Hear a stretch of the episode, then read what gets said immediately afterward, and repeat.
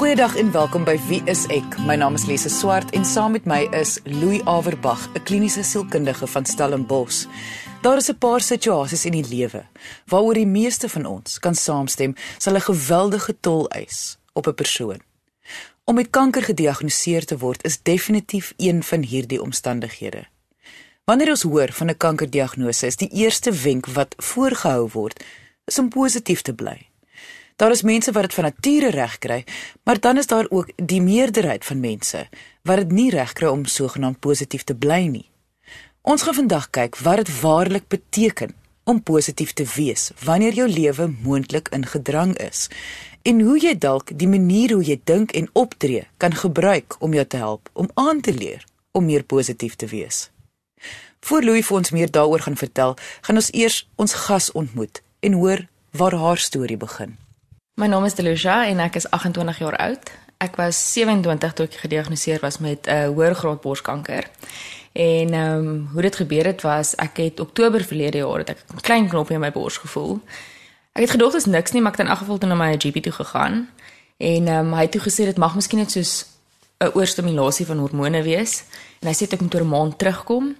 Maar oor 'n maand het ek getrou, so ek het besluit ek gaan eers op my honeymoon gaan en as ek terugkom van my honeymoon af wat in Januarie was, het ek besluit ek gaan teruggaan. Hy het my gevra om na 'n uh, radioloog toe te gaan.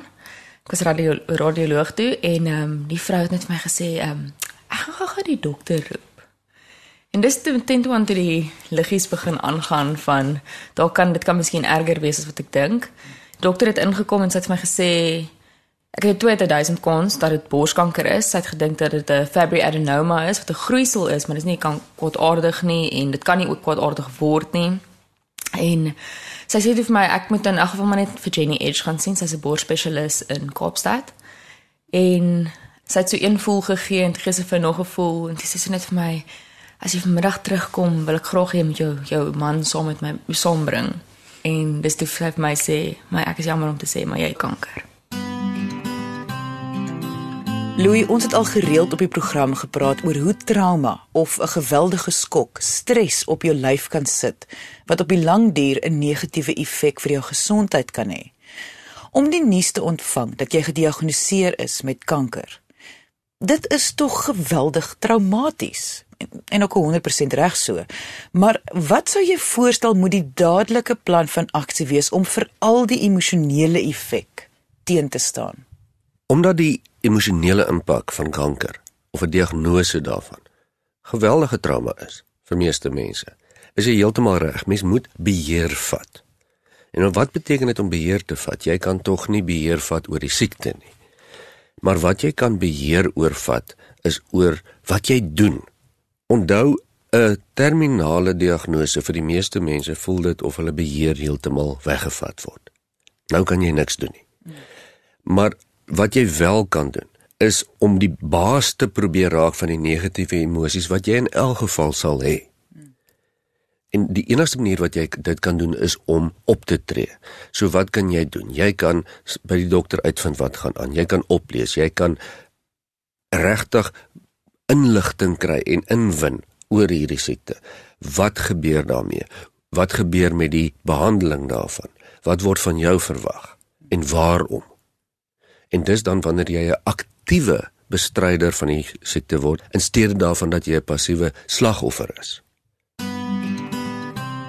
En ehm um, op daai oomblik het dit gevoel asof my wêreld ineenstort want ek dink dit is meer oor die feit dat jy nie weet wat kom nie, jy weet nie waar dit gaan gaan nie.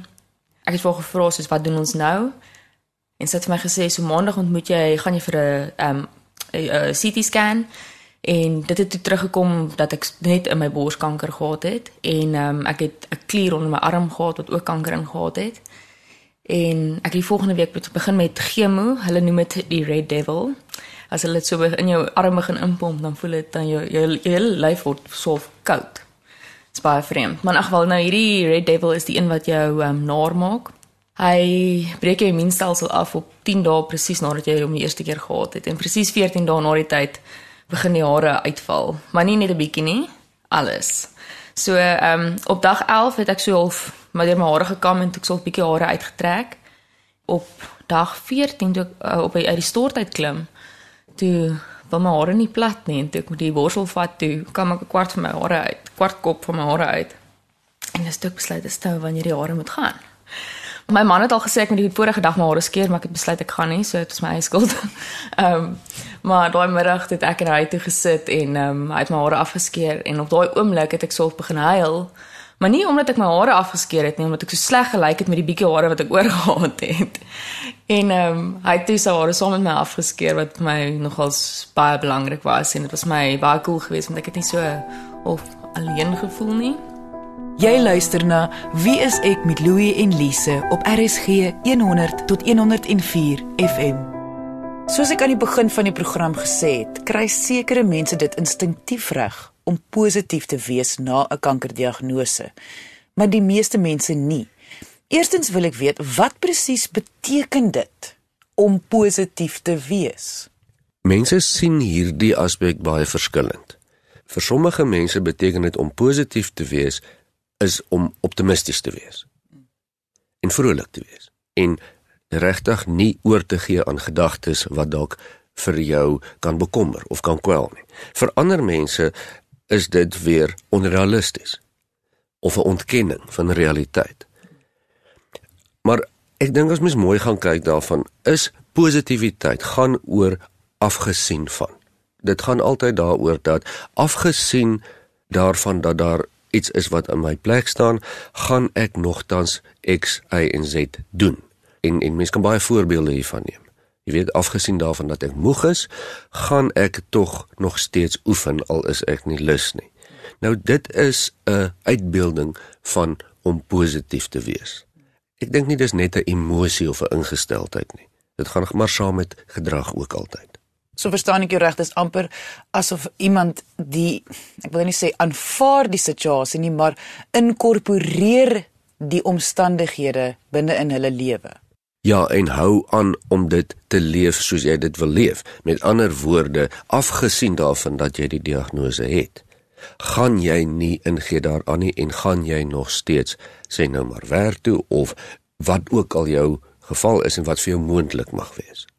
My opvolgvraag is dan, Is dit nodig om positief te wees? Ek bedoel, iemand het 'n diagnose gekry wat potensieel beteken dit kan dalk die einde van hulle lewe wees.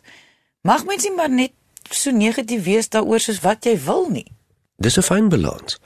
En dit is nie so maklik om te antwoord nie. As jy 'n diagnose van kanker kry voor 30 byvoorbeeld, maak jy 'n testament of of maak jy nie 'n testament nie sou dit daarop dui dat jy nie positief is nie of dat jy negatief is as jy 'n testament sou maak. Dit is baie moeilik om daardie vraag te antwoord. Maar al die navorsing wys vir ons dat daar 'n baie groot verband is tussen stres en kanker. En dit is so erg dat daar verwag word dat teen die jaar 2030 kanker in Suid-Afrika met omtrent 78% gaan styg reg oor die wêreld omtrent 75%. So dit is uiters belangrik dis vir die behandeling en vir die herstel en selfs vir die lewenskwaliteit van die persoon wat met kanker gediagnoseer is om positief te wees soos dan wat ons dit nou beskryf om 'n vegter te wees teen die siekte in steede van 'n ontvanger daarvan want dan is jou statistiek baie beter om te herstel of om 'n beter lewenskwaliteit te kan lei.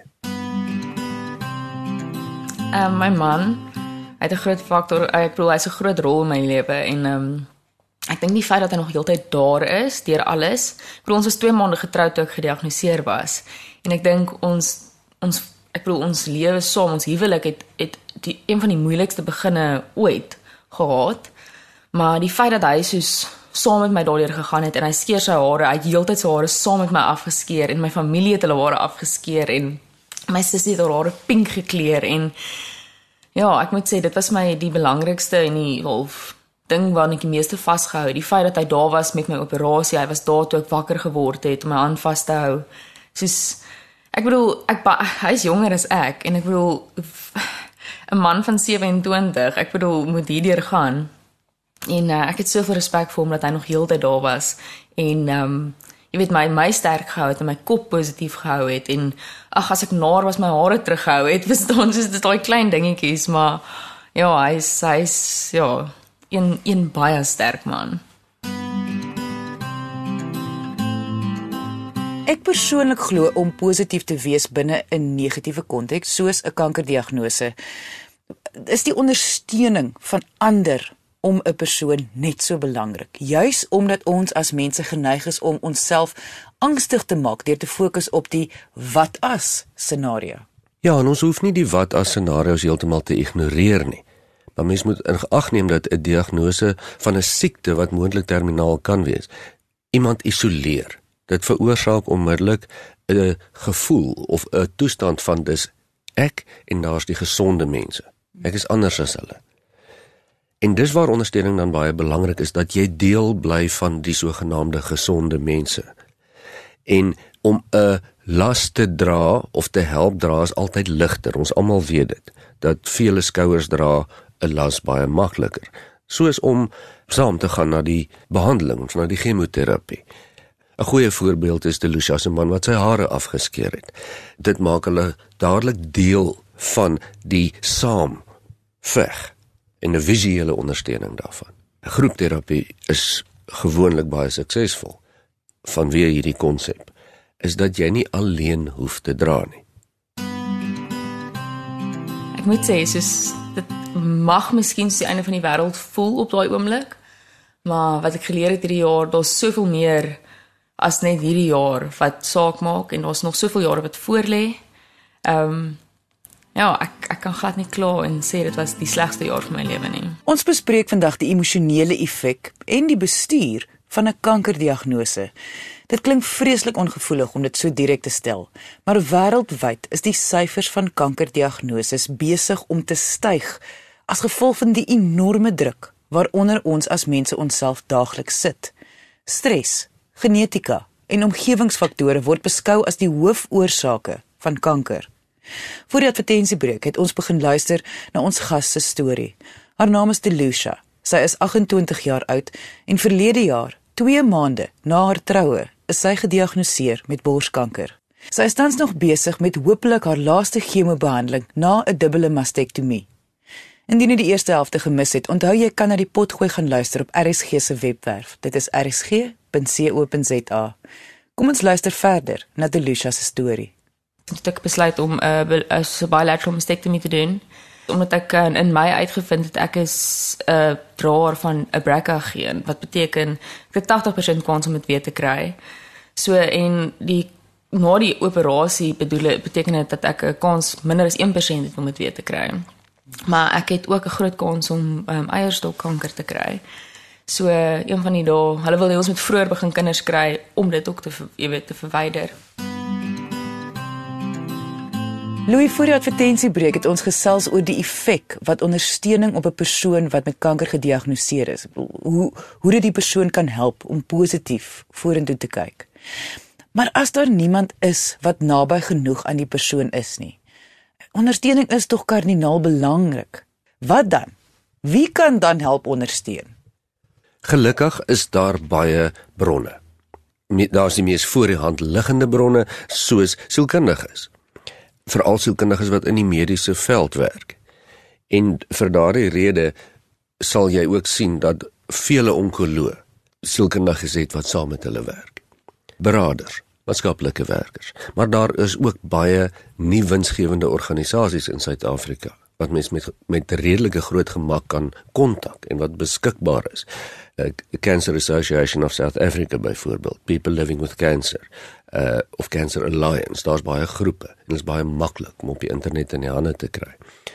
So jy hoef nie alleen met 'n kankerdiagnose te sit nie, selfs al het jy nie geografies mense reg rondom jou, soos 'n gesin of 'n familiegroep op die oomblik wat jou kan ondersteun nie. Daar is ander opsies. Ek het na my operasie toe hulle vir my weer die chemo offer wat glad nie op die tafel was, jy weet voorheen nie. Toe ek besef soos dit ek moet sê dit was die week wat ek so neergebreek het en gesê het, "Oké. Okay, jy weet hierdie is sterker as wat ek miskien gedink het want ek bedoel my kop was sterk geweest deur die hele proses." Maar daai week toe hulle vir my weer die chemo offer, ek het geweet my lyf kan dit weer hanteer en ek het geweet ek gaan weer hierdeur kan gaan. Maar soos ja, kop gewys was dit vir my 'n moeilike ding om te besef soos hierdie is nou nog 4 maande. En ehm um, jy weet dit dis ek bedoel dis 'n groot ding. Mens mens dink wel, men ek weet mense besef dit, maar ek bedoel ek het gedog soos jy weet dis iets wat jy behandel en jy jy kom oor dit, maar hulle het my sê nog geen en toe besef ek soos ai. En dis die oomblik wat ek te besef het, wat as oor 5 jaar dit weer gebeur? Verstaan? Soos dis dis die ding, want ehm um, as hulle dit nou vir my offer, wie sê dit kom, jy weet dit kom nie weer terug nie. Maar ehm um, gelukkig as gevolg van die feit dat die chemo toe nie vir my so erg was, die pille nou nie, toe toe het daai gevoel ook weggegaan. Jy weet, toe besef ek net soos, okay, en want op daai oomblik te voel dat ek het ek het klaar alles gedoen wat ek moontlik kon doen na my operasie, want dit was my die jy weet die berg, jy weet soos waaroor ek moes kom. En ehm um, na my operasie was ek soos it's done. Jy weet, ek kan nou aanbeweeg met my lewe en dit is verby. En toe hulle vir my weer sê soos, mm, -mm jy het immuun geraak teen die chemo. Toe besef ek soos, okay, ek het gedog ek het chemo baas gemaak, maar nee, soos chemo het sy wel my sy baas gemaak so. Ja, dit was maar 'n proses gewees. Ek wonder tog, sal daar enige tekens wees dat 'n persoon se gemoed is besig om hulle onder te kry? Uh, dat iets soos professionele hulp dalk eintlik meer belangrik is as selfs die behandeling van die onkoloog. Verseker, en, en vir die meeste mense wat met kanker gediagnoseer word, is dit 'n toestand wat jou gemoed dadelik onder aanval sit. En baie mense se gemoed word ondergekry as gevolg hiervan. Daar is niks eienaardigs daaromtrent nie. En weer eens is dit hoekom daar gewoonlik altyd sielkundiges is wat saam met ongeloof werk.